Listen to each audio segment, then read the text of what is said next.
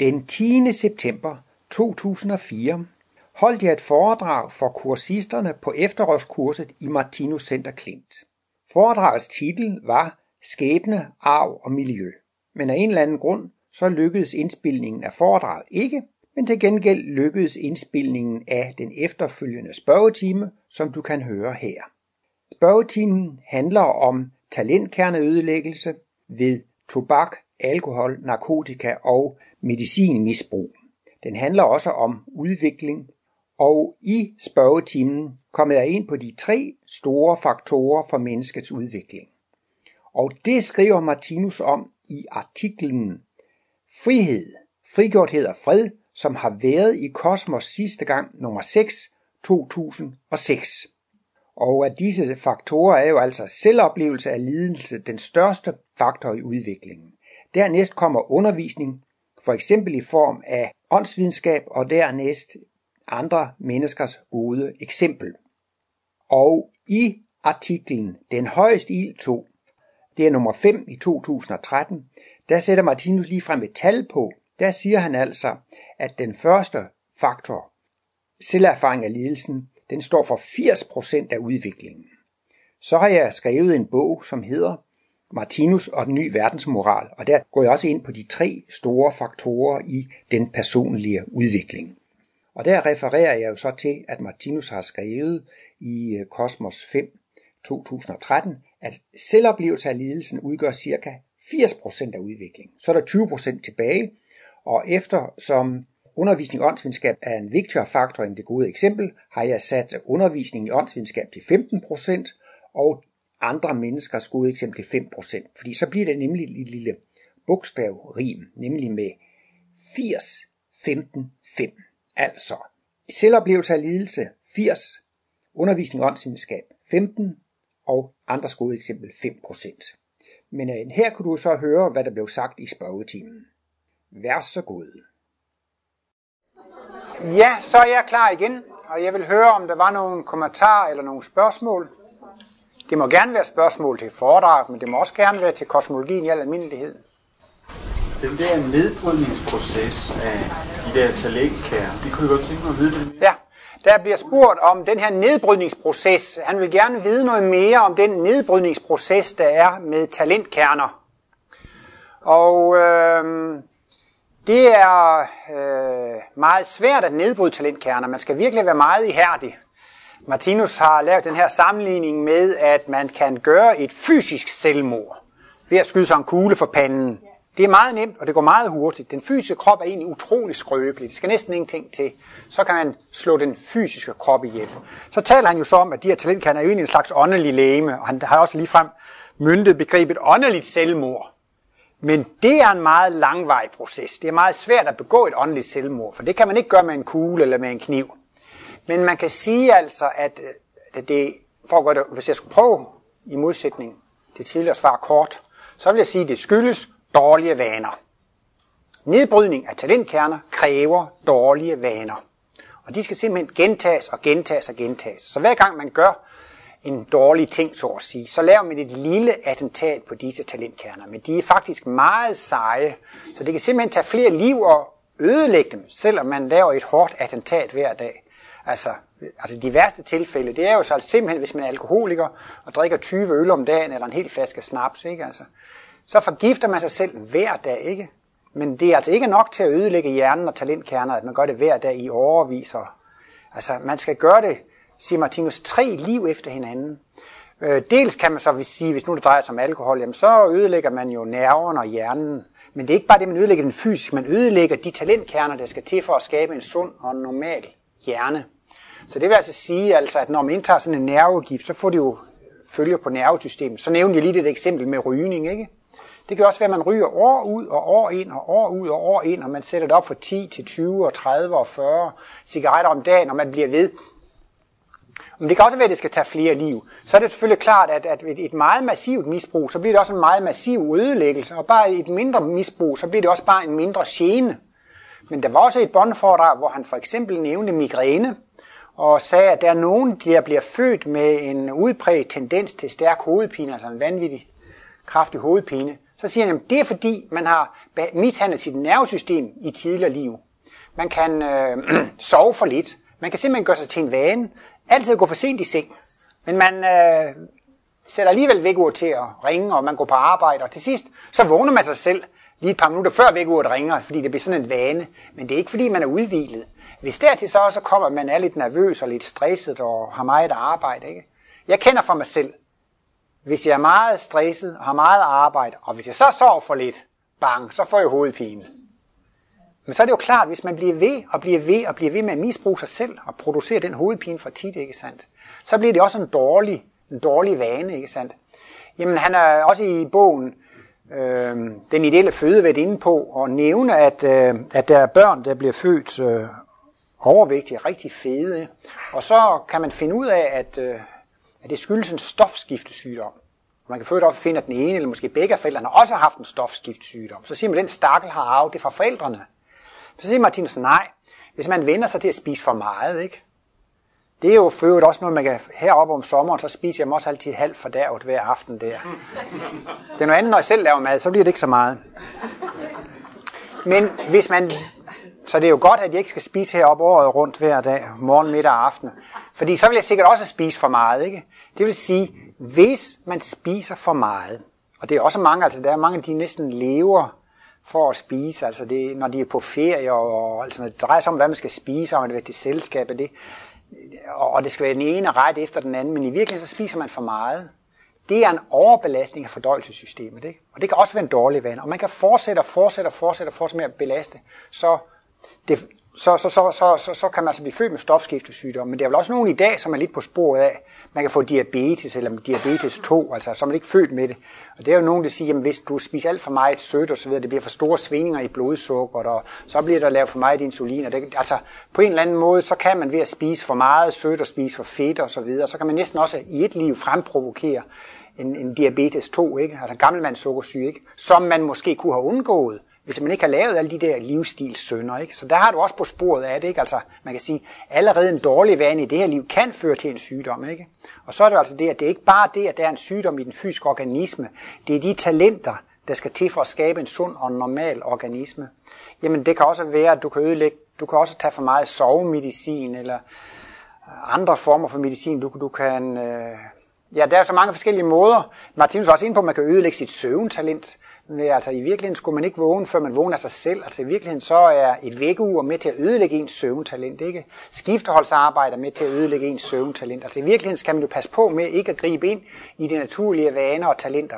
Og så er det altså, der skal et dagligt misbrug til, eller en daglig fejl, en daglig dårlig vane, og det skal være endda meget lang tid. Så på en måde er det sådan, at det er ikke bare lige fordi, at man skærer ud et par gange, han har sagt, altså, at talentkernerne falder fra hinanden, eller bliver bliver nedbrudt. Det, det skal virkelig være et langvarigt og et massivt brug. Og så er det så, Martinus trøster med, er man så blevet syg, er der noget, der er blevet ødelagt, så vil man gerne tilbage til normaliteten. Og det ordner sig sig selv. Man skal bare leve normalt, så retter det hele sig til, så bliver man rask igen.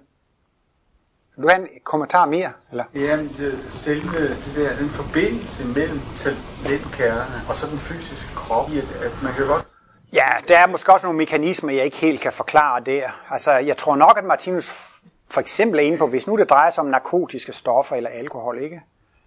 at der i de kemiske stoffer på en eller anden måde er en vibration, som, som påvirker den åndelige hjerne, som påvirker de åndelige strukturer.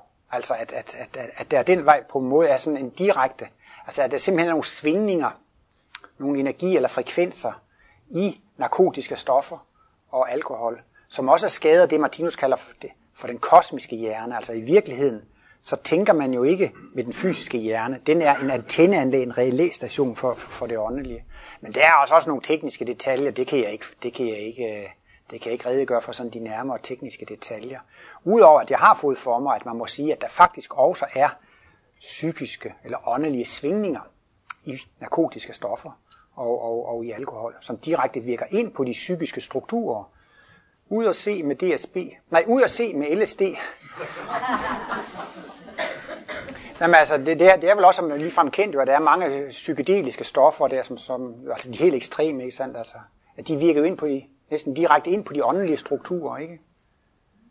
Så, men ja, hvordan skal man, Nej, jeg, jeg kan kun give sådan en populær forklaring. Altså hvis man spiser for meget og overbelaster, jeg ved ikke, om det hjælper noget, bare bruge sådan nogle banale analogier, som hvis man bliver ved med at kaste grus i maskineriet, så går maskineriet i stykker, eller bliver man ved med at putte støv og grus i øjnene, så bliver man blind til sidst. Altså, altså på en eller anden måde, hvis man bliver ved med at sabotere en funktion, så, så, så går den jo i stykker til sidst. Men jeg kan godt forstå, at du, altså problemet med, at hvis det er noget, der foregår på de fysiske plan, hvordan ødelægger det så noget på det åndelige plan, ikke? Jeg kan ikke helt forklare mekanismerne, men øh, det hænger jo sammen på en skøn måde. Det fysiske virker ind på det åndelige, det åndelige virker ind på det, på, på det fysiske. Men man har jo prøvet at hugge halen af mus i 40 generationer, eller 100 generationer, men den har sagt på et svensk, ulik forbandet, så bliver de født med en hale, altså det har ingen indflydelse. altså halen bliver ved med at komme. Men de har jo ikke haft noget misbrug, eller, eller, eller, eller, eller, eller haft en dårlig vane. Altså, det, der har man jo været så grusom at lave sådan nogle forsøg, at de simpelthen bare hugger halen af, og så næste generation, så hugger man halen af, det bliver man ved med, men altså, den bliver ved med at komme igen. Men det er jo ikke den selv, der har haft en dårlig vane og ødelagt noget. Altså, der kan man jo ikke sige, at selvom der er sket en fysisk handling på den, og den har mistet sin hale, ikke, så, så, så, så har det ikke ødelagt noget på dens talentkerner, at den er blevet behandlet sådan. Ja, Ingolf. Og man at tænke, at, at øh, hvis det vil overvinde for eksempel meget vrede og surhed og sådan noget, så er vi altså talenter for, at de her ting slår igennem i vores bevidsthed. Og det eneste, der kan ændre det, det er, at vi skaber nye vaner. Men når man misbruger, så har man jo en vane, og man gentager den hver dag i tre liv, siger. Så må det jo skabes et talent for nedbrydelse af organisme. Og det må være det, der erstatter det oprindelige. Sådan så, sådan så, det kan, sådan så resultatet bliver sammenbrud. Gentagelse skaber et. Det skaber også et talent, ja. Men jeg ved ikke. Bjarne Larssons kursus, der publicerede han jo en lang række symboler, inden Martinus selv fik dem publiceret. Og øh, Martinus blev ikke helt færdig med det, det her symbol over menneskets ødelagte talentkerner. Men der er sikkert nogen af jer, der har set det i Gerners kursus. Det er sådan en violet ring, hvor han har tegnet en masse talentkerner. Og så kommer der nogle brune skyer ind over nogle af talentkernerne. Og når man sådan læser det eller forstår det, så selvfølgelig skaber man også et dårligt talent, en dårlig vane, men jeg mener også rent af, altså man må sige, at der er nogle af de normale talentkerner, de normale strukturer, som er blevet nedbrudte, som er blevet ødelagte, som så også skal, skal genopbygges. Men det symbol viser så også, at man kan sagtens have en lang række, en lang række talentkerner, som er uberørte. Hvis nu man ser en dybt åndssvag, så vil man sige, ja, han er jo mere primitiv end en chimpanse. Altså en chimpanse kan jo mere end han kan. Altså er han under en chimpanses niveau. Men det, det er jo det, at så kan det være, at det er motorikken og det der, det ikke fungerer. Vedkommende kan være højt udviklet faktisk, kan han have en lang række højt udviklede talentkerner, som er uberørte. Men de kan bare slet ikke manifesteres. Fordi hvis motorikken og musklerne og hjernen ikke virker, så kan man godt have en lang række talenter og evner. De kan simpelthen bare ikke komme til udtryk, fordi maskineriet er gået i stykker. Så vedkommende er slet ikke mere primitiv end en chimpanse. Det vil tage en chimpanse millioner af år op på vores trin, men den åndssvage vil komme tilbage i løbet af to-tre liv. Så, så, så de har jo altså skjulte reserver. Jeg ved ikke, om det var, hvor korrekt den var, men der var engang for nogle år siden skjult viden, hvor man havde filmet en række åndssvage osv. og blev forbløffet over, hvad de egentlig kunne. Og lige pludselig så kunne de en hel masse ting, så man slet ikke kunne forklare, hvordan de havde lært at kunne alt det. Og det kunne måske være fordi, at som Martinus siger, de har en lang række talenter, som ikke er ødelagte. Man tror, det hele er ødelagt, men det er jo klart, hvis, jamen, hvis armen er lammet, så kan man jo ikke vise, hvor god man er til at tegne og male, eller, eller hvis man ikke kan tale, så kan man ikke udtrykke alle de der følelser, man har osv. Så, videre. så, så man kan sagtens, de kan, så de har også mange områder, som, som ikke er skadet, men det er jo bare nogle vitale områder, der er skadet, så det ikke helt fungerer. Det har den virkning, siger Martinus. Man kan få lov til at ødelægge sit univers, og så kan man få lov til at opleve konsekvenserne af at leve i et ødelagt univers. Og det er jo ikke så behageligt. Og det gør, siger han så, at man bliver vaccineret imod at ødelægge sit univers. Og det kræver meget lidelse at gå vejen ned, og det kræver meget lidelse at gå vejen op. Men lidelse, det er jo det, der giver medlidenhed, og det med at føle smerte giver medfølelsen, og det giver humaniteten og kærligheden. Så spildt har det ikke været. Og så har man fået den erfaring med på sin evige rejse. Man skal, vi skal have lov at lære at kende forskel på godt og ondt. Vi skal stort, stort set have lov til at lave alle de fejl, vi kan. Og der hører så også med til, at man kan bare ikke, det er ikke meningen, at man skal gå sund igennem det hele. Man kan sige, vejen til sundhed går igennem sygdom. Jamen altså, man er nødt til at lære at lave alle mulige fejl for at lære, hvad, hvad, hvad det er rigtigt. Så vejen til sundhed går igennem sygdom, og vi vil alle sammen komme til at lave en lang række fejl. Han siger også, at sygdom er i virkeligheden det gelænder, der beskytter en mod at styrte i afgrunden. Det er en advarselslampe, der blinker. Det er dit gelænder, der beskytter os og siger, nu er den gal. Så takket være sygdom, så bliver man, så bliver man bremset op. Så, og, og, og så kan man også sige, at øh, det er også indbygget, at det er en grænse for, hvor langt misbruget kan gå. Til sidst så ligger man jo måske og, altså i værste fald som mongol, som skal mades og, og har byttet blæ eller skiftet blæ og så videre, jamen så kan man ikke selv gå hen og købe sin narkotika, sin alkohol og så videre. Altså man er jo helt... Og så, så stopper det altså ikke, så, så, så, så man kan ikke blive ved med... Altså, man kan køre linen ud til, at man ødelægger sit univers, eller jeg ved ikke hvorfor, men jeg får også lige lyst til at sige, at Martinus taler om, at sygdommen har to stadier. Et årsagsstadium og et symptomstadium. For at tage den gamle klasse, så får man mavesår. Men det er fordi, man har været stresset i to år i forvejen. Så kan man altså sige, at årsagen til sygdommen er stress. Så man kan faktisk sige, at den dag man begyndte at blive stresset, så begyndte sygdommen. Og så kører den jo faktisk på årsagsstadiet. Men det lægger man ikke mærke til. Men så, bum, så har man ondt i maven. Nu går det ondt. Nu er symptomet kommet, og nu er der sy- og så er man gået ind i symptomstadiet. Og så kan man jo på en måde sige, desværre, så er det for sent. Fordi så er man jo blevet syg, ikke? Men jeg synes alligevel, det er sådan en lidt interessant vinkling, han har på det der med årsagsstadiet og, og symptomstadiet. Hvis man nu øh, er blevet øh, sindssyg, og så bliver man indlagt, og så øh, får man som regel stillet en diagnose, og så får man en eller anden medicin, jo, øh, som passer til det der. Og så bliver man faktisk fået, men det, så bliver man helt afhængig af den medicin. Og så er jeg tænker på, kunne man bliver rask af det? Ja, det kan jo være meget svært at, at vurdere, fordi jeg, jeg, er ikke, jeg er ikke sådan en fagmand på det der, men jeg kan se både plusser og minuser ved det, ikke? Altså, jeg har jo nogle gange set nogle mennesker, som, hvad skal man sige, de er skizofren eller besatte, ikke sandt? De er jo ikke til at styre på fem tønder land, fuldstændig vilde. Og hvis der er nogle mennesker, der skal tage sig af dem, ikke sandt? De, de kan jo slide et helt korps op på, på 3-4 mennesker i døgnet, ikke sandt? Så er man ude med, at der skal holde styr på dem, og de render over det hele. Og I sådan et tilfælde vil jeg jo sige, så, så mener jeg, så er det et mindre onde at tage noget medicin, ikke? Og der er nogle af dem, der er skizofrene, og sådan, hvis de tager deres medicin, de kan næsten få et normalt liv, så længe de tager deres medicin.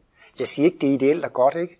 Men jeg synes da, at øh, det er da, det er da fantastisk, i stedet for at man skulle slide så mange mennesker op, og det var næsten umuligt at klare sig, så kan det være sådan nogle tilfælde. Ikke?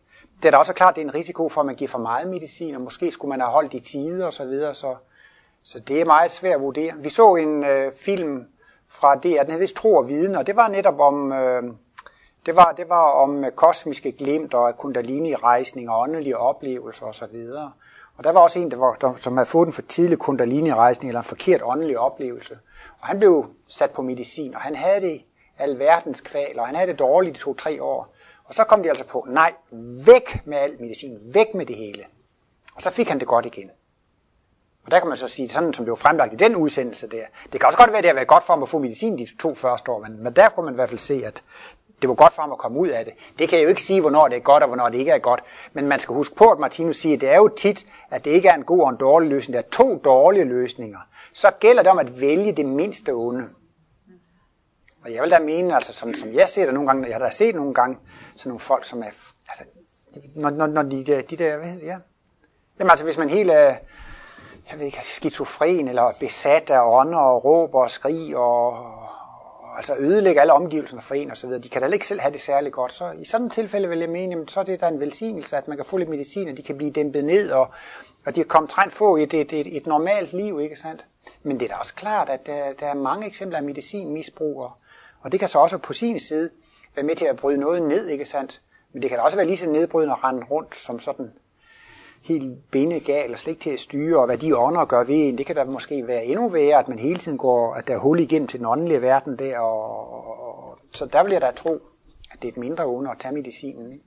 Men der må man så sige, jamen altså, der må vi jo så forlade os på de specialister, vi har nu om dagen.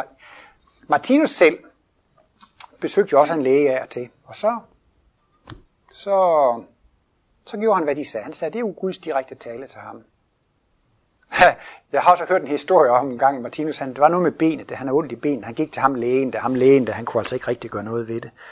Men så gik Martinus faktisk til en klog mand, altså sådan en naturhelbreder, og blev ligesom helbredt, men han skulle stadigvæk møde, møde ved lægen der, og Martinus var jo en høflig mand. Og, og så kommer jeg til lægen, ja, nu, nu går det fint, nu, nu, nu går det godt igen, og tak for behandlingen. Ja, siger lægen, ja, det, de, det var jo dejligt, du, de er så taknemmelige. De andre plejer jo ikke at være så taknemmelige for behandlingen, eller sådan noget i den retning. Men øh, ja, der er plus og minus ved det. Altså man kan ikke sige, at man ikke skal tage medicin, man skal ikke tage psykofarmaka og sådan noget. Det kan man slet ikke sige efter min det, det er forkert at sige det. Altså jeg synes, i mange tilfælde, så vil jeg da betegne det som en stor velsignelse. At der findes nogle piller, nogle præparater, som man kan fungere nogenlunde med. Det er måske også noget, det kan diskuteres lidt. Der findes to udtalelser af Martinus, men han siger jo også, at hvis man har en bragende hovedpine, ikke sandt, og så tager hovedpinepiller, så har han betegnet det som, som en befrielse fra mikrokosmos. Altså det, det, det er jo rent helvede for de der celler nede i mikroverdenen, ikke sandt? Og så er det jo dejligt, at smerten kan blive taget væk. Så har han også haft et foredrag, hvor han taler om alkohol, og så sabler de deres mikroindivider ned med alkohol, og så tager de hovedpinetabletter, og så bliver de sablet ned, altså sådan, man kunne fortsætte misbrug. Så det er klart, der er jo begge sider af det, ikke? Og jeg ved godt, det er meget diskuteret, om man skal tage sådan nogle piller eller ikke. Og det er klart, det skal ikke misbruges, men i visse situationer, så må man sige, at det er en guddommelig velsignelse. Også hvis det er morfin, folk der er kvæstet og redbrækket i en bilulykke, det er en guddommelig velsignelse, at de kan få smertestillende behandling, ikke sandt? Sådan så mikroindividerne bliver befriet, og man bliver befriet og sådan noget så. Så det er ikke altid lige nemt at se, hvad der er rigtigt og skidt og sådan. Og så er det jo sådan, altså der er nogle, vi lever i det samfund, vi lever i, og så må vi jo gå til de muligheder, der findes, ikke sandt, og, og, og lytte til de eksperter, der er. Og, og, men det er klart, at nogle gange har man måske også selv en vis indflydelse. Det er da klart, kan man klare sig godt uden medicin, så skal man endelig gøre det. Og det er klart, det, altså, det, det kan man jo sige, altså medicinmisbrug kan jo også være ligesom at spise for meget og drikke alkohol og ryge osv. Det kan det også blive en form for forgiftning, hvis man unødigt tager for meget medicin. Ikke? Altså, så det skal man da selvfølgelig prøve på at begrænse. Ja, så tror jeg, at det vil... Nej, ja. Er lidelse den eneste metode, hvorved man kan udvikle sig humant og næstekærligt? Ja, der er et sted, hvor Martinus han har sagt, at der er tre faktorer, som spiller ind på vores udvikling. Og så har jeg selv opfundet nogle procentsatser. Der er nogen, der er utilfredse med mine procentsatser, men jeg fremturer alligevel med mine procentsatser. Ej, Martinus siger bare, at der er tre faktorer, og den, der virker mest, det er lidelsen. To, det er verdensbilledet de kosmiske analyser, og tre, det er det gode eksempel. Og så med mine procentsatser, så er lidelsen, den sørger simpelthen for 90% af den humane udvikling. Når man har lidt, så får man medlidenhed, og når man har følt, så får man medfølelse, og det er virkelig det, det skal til. Medfølelse og medlidenhed, det giver humanitet og kærlighed. Men et godt verdensbillede, som nu Martinus, det er jo heller ikke at kæmpe sig af så kan man jo få at vide, at det er rigtigt, og det er forkert, og hvis du gør sådan, så fungerer det sådan, og hvis du gør sådan, så fungerer det sådan, og så virker det sådan og sådan. Det er jo alle tiders vejledning. Ikke? Tænk at få et kort og et kompas, i stedet for at man skal rave rundt i blinde. Det er altså virkelig noget, der hjælper en i udviklingen. Det er også derfor, det findes et verdensgenløsningsprincip. Ældre brødre kan jo undervise de yngre osv. Det er en virkelig stor gave. Så det får 9 procent. Så er, allerede, så er der kun 1 procent tilbage. Og det er det gode eksempel. Og det er simpelthen det, altså, at det kan også spille en rolle i den humane udvikling. At der er nogle mennesker, man kan godt lide dem, man ser op til dem, og de er venlige og kærlige, og sådan vil man gerne være, fordi dem kan man godt lide, ikke sandt? Og det virker også. Og I ved jo også godt, hvis der er forældre, der ryger og siger til børnene, I må ikke ryge, det hjælper ikke ret meget. Det er dårlig pædagogik, når man selv ryger og siger, at de andre skal, skal holde op. Og der plejer jeg også at komme med et eksempel, at jeg har været med i så mange studiekredse heroppe i Klint, hvor man sådan skal præsentere sig lidt og fortælle om sig selv. Og der, der er så flere. Nogle gange så spørger man, hvordan, øh, hvordan har du mødt kosmologien? Og så har jeg sådan flere gange hørt en historie, og det er sådan prototypen. Der var en dame på mit arbejde, som var meget flink og venlig, og så var hun oven i købet vegetar. Og så en dag så spurgte jeg hende, hvordan kan det være, at du er sådan, som du er? Eller sådan et eller andet, ikke? Og hårdt presset, så fortæller vedkommende så, at hun er interesseret i Martinus og læser de der ting og så videre. Og så bliver veninden interesseret i det. Men altså, den anden har aldrig fortalt om det. Hun har bare været på en bestemt måde, som den anden har gjort. Hun holdt af hende, hun kunne lide, hun er beundret. Og det synes jeg også, det er jo, det er jo den rigtige måde at gøre det på, ikke sandt? Altså, hvis man skulle gøre reklame for det, så skulle man jo hellere gøre det med sin praktiske væremåde, end ved at holde foredrag eller prædike eller teoretisk fortælle om, hvordan det skal være. Så er det jo lidt bedre at måske gøre det. Så det er altså de tre faktorer. Lidelsen og verdensbilledet og det gode eksempel. Det er bare et sted, hvor Martinus har pindet det ud på den måde, ikke? at det er de tre faktorer, der spiller ind. Så, så, det, så det, det hjælper os der er også gevaldigt i, i udviklingen. Og det er jo det, der ligger i forældreprincippet eller verdensgenløsningsprincippet. Der er forældre, der er søskende, der, der er nogen, der er længere frem i udviklingen, som kan vise en, hvordan man skal komme fremad. Ja? Men det, det synes jeg også viser lidt om, at man skal jo ikke opsøge lidelse og få talent for at opsøge lidelse. Man skal, hvis man er meget syg, så kan man jo ikke lære noget helst. Vel? Øh, ja, man behøver ikke opsøge lidelsen, fordi selv så kan jeg sige, nu skal vi lige lave en lille øvelse, nu går vi alle sammen over og slår hovedet ind i muren i et kvarter der. Det giver jo lidelse og udvikling, men man behøver ikke, man behøver ikke opsøge lidelsen. Livet skal nok servere den lidelse, vi får brug for. Men jeg skal alligevel sige, at øh, vi lærer uden at vide af det. Fordi det her med lidelsen, det virker på dyr. Det virker på primitive mennesker og udviklede mennesker. Altså, hvis nu der er dyr, det bliver pint og plaget og tortureret og sparket. Det, det kan være, at dyret ikke fatter hvorfor. Det kan også være, at det ikke glemmer det eller noget som helst. Men hver gang man har følt smerte, så virker det ind på ens følelseslæme. Og det kan også godt være i dag, altså vi, vi har smerter og lidelser og sygdom. Jamen altså, uanset om vi ved det eller ej, det virker simpelthen den smerte, vi har oplevet. Vi behøver ikke nødvendigvis at forstå og forstå karmeloven og indse, det er nok derfor og sådan og sådan. Har vi oplevet en smerte, så har det haft en virkning. Hvordan kan man udvikle sit følelseslæme? Kan man udvikle det ved studier? Niks. Man kan kun udvikle sit følelseslæme ved at føle. Og det vil altså sige, når man føler smerte, uanset om man er dyr eller primitiv menneske, eller jordmenneske, eller højt udviklet menneske, hver gang man har følt noget, så udvikler følelseslæme sig. Uanset om man kan huske det eller ved hvorfor, så, så, så, så man udvikler sig. Det kan måske være et handicappet menneske, som har haft været multihandicap og haft problemer og smerter og lidelser. Det siger, mit liv har været spildt. Ingen succes, ingen karriere. Jeg har ikke lært noget som helst i det her liv.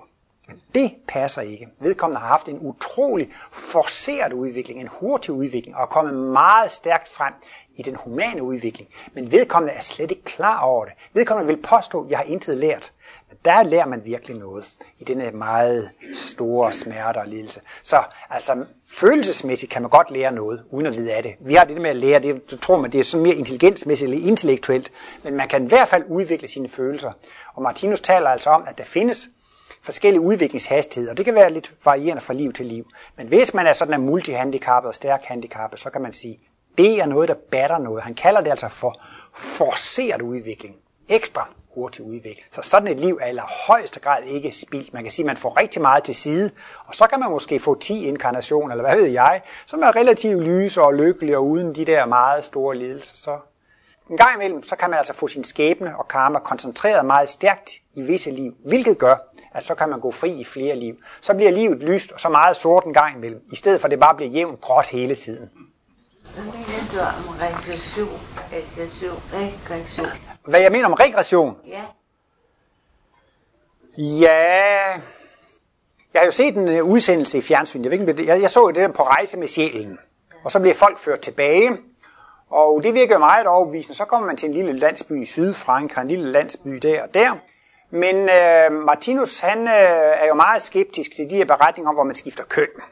Og det er jo selvfølgelig også noget af det, der har været hovedtemaet for foredraget.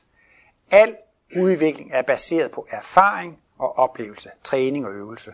Jeg læste engang en bog på tysk, jeg tror det var sådan noget med et eller andet med fra kausal verden nummer to. Så når man skal inkarnere, så kan man sige, hvad skal, jeg vil være operasangerinde, jeg vil være atomfysiker, jeg vil være mand, jeg vil være kvinde, jeg vil være matematisk geni, eller jeg vil være kloakrenser, eller det er ligesom frit valg på alle hylder. Og så tænkte, det kan slet ikke passe. Sådan fungerer udviklingen ikke. Man kan ikke vælge et liv med nogle talenter, som man ikke selv har udviklet. Man kan kun komme ind med de talenter, man har udviklet. Og den moderne forskning viser også, hvad nogen har haft mistanker om. Der er forskel på mænd og kvinder.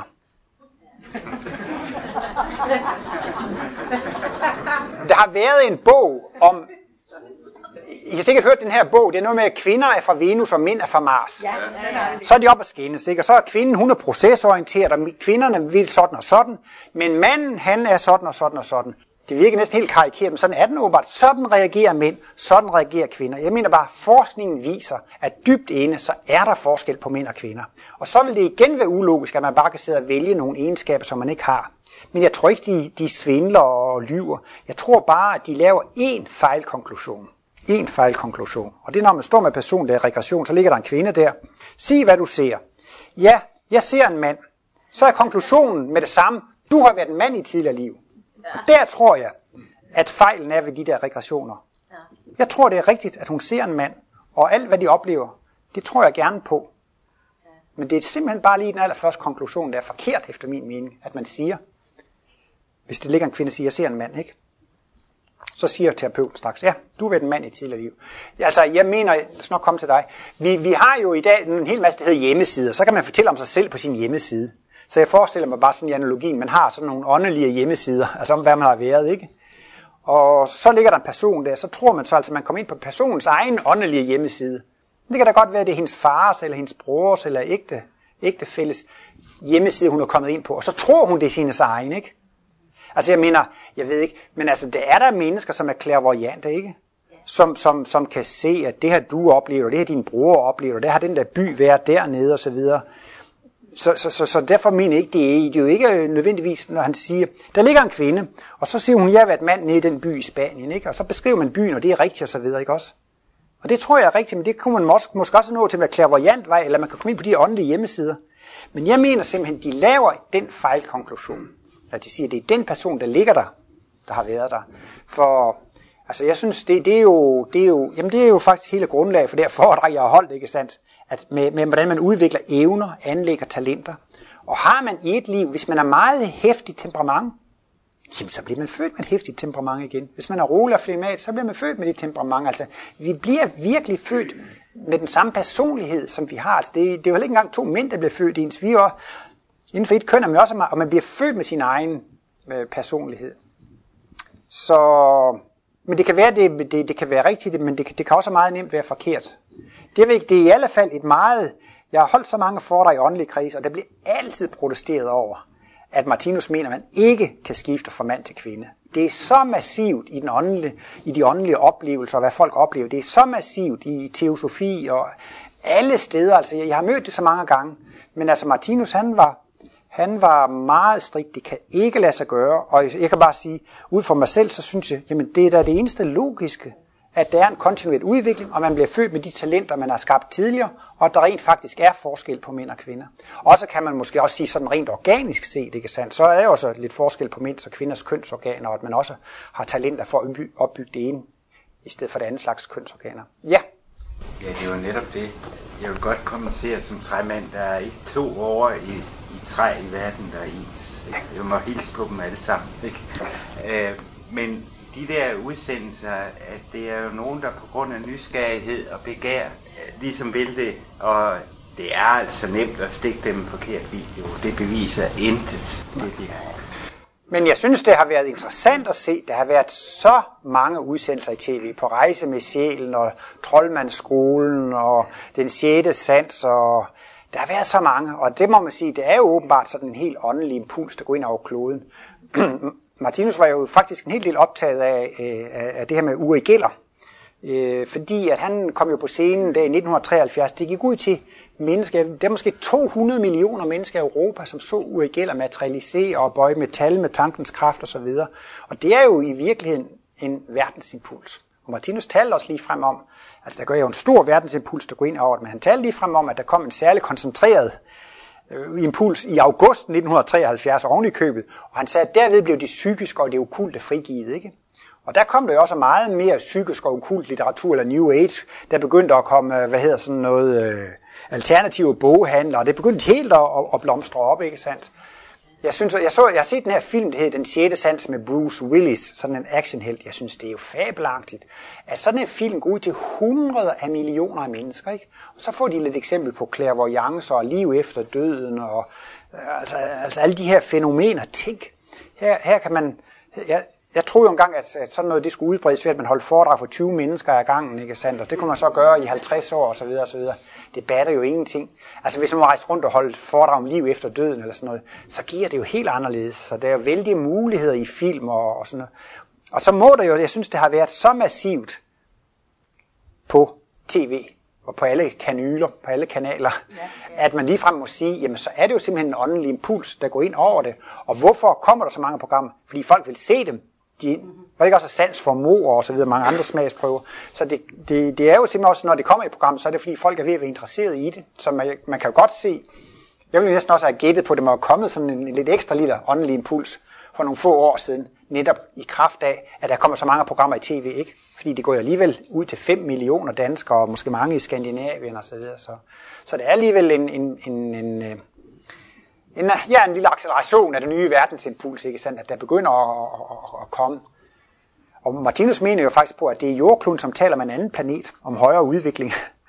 Og når så jordkloden får sådan nogle tanker om, at, øh, om, om en højere udvikling og en åndelig udvikling, så, så, så, så går det jo ind over kloden i form af kulturskabelser, og i form af, af ting, der rører sig i samfundet, og de kulturer og de tanker, der rører sig. Han siger jo altså, at øh, jordklodens tanker, det kan man jo se i form af de kulturer, og specielt de højkulturer, der har været på jordkloden, det er udtryk for de tanker, jordkloden har haft. Og når noget så, så massivt går ind over millioner af mennesker, ikke sandt, så er det altså også udtryk for global tænkning. Så er det simpelthen jordkloden, den er også begyndt at interessere sig for det. Fordi når det går, for når, altså, i lidt større målestok, så jordkloden har altså også haft nogle tanker og begyndt at interessere sig for det. Fordi der er millioner af mennesker. Vi er jordklodens hjerneceller. Så det er jo klart, hvis der er noget, der optager millioner af jordklodens hjerneceller, så må man sige, det er noget, der optager jorden. Så jorden, den sidder også og ser fjernsyn og ser den sjette sans og sådan noget. På sin måde. Eller den får åndsvidenskabelige foredrag af en anden planet. Godt, jeg vil sige tak for i aften, og tak for opmærksomheden.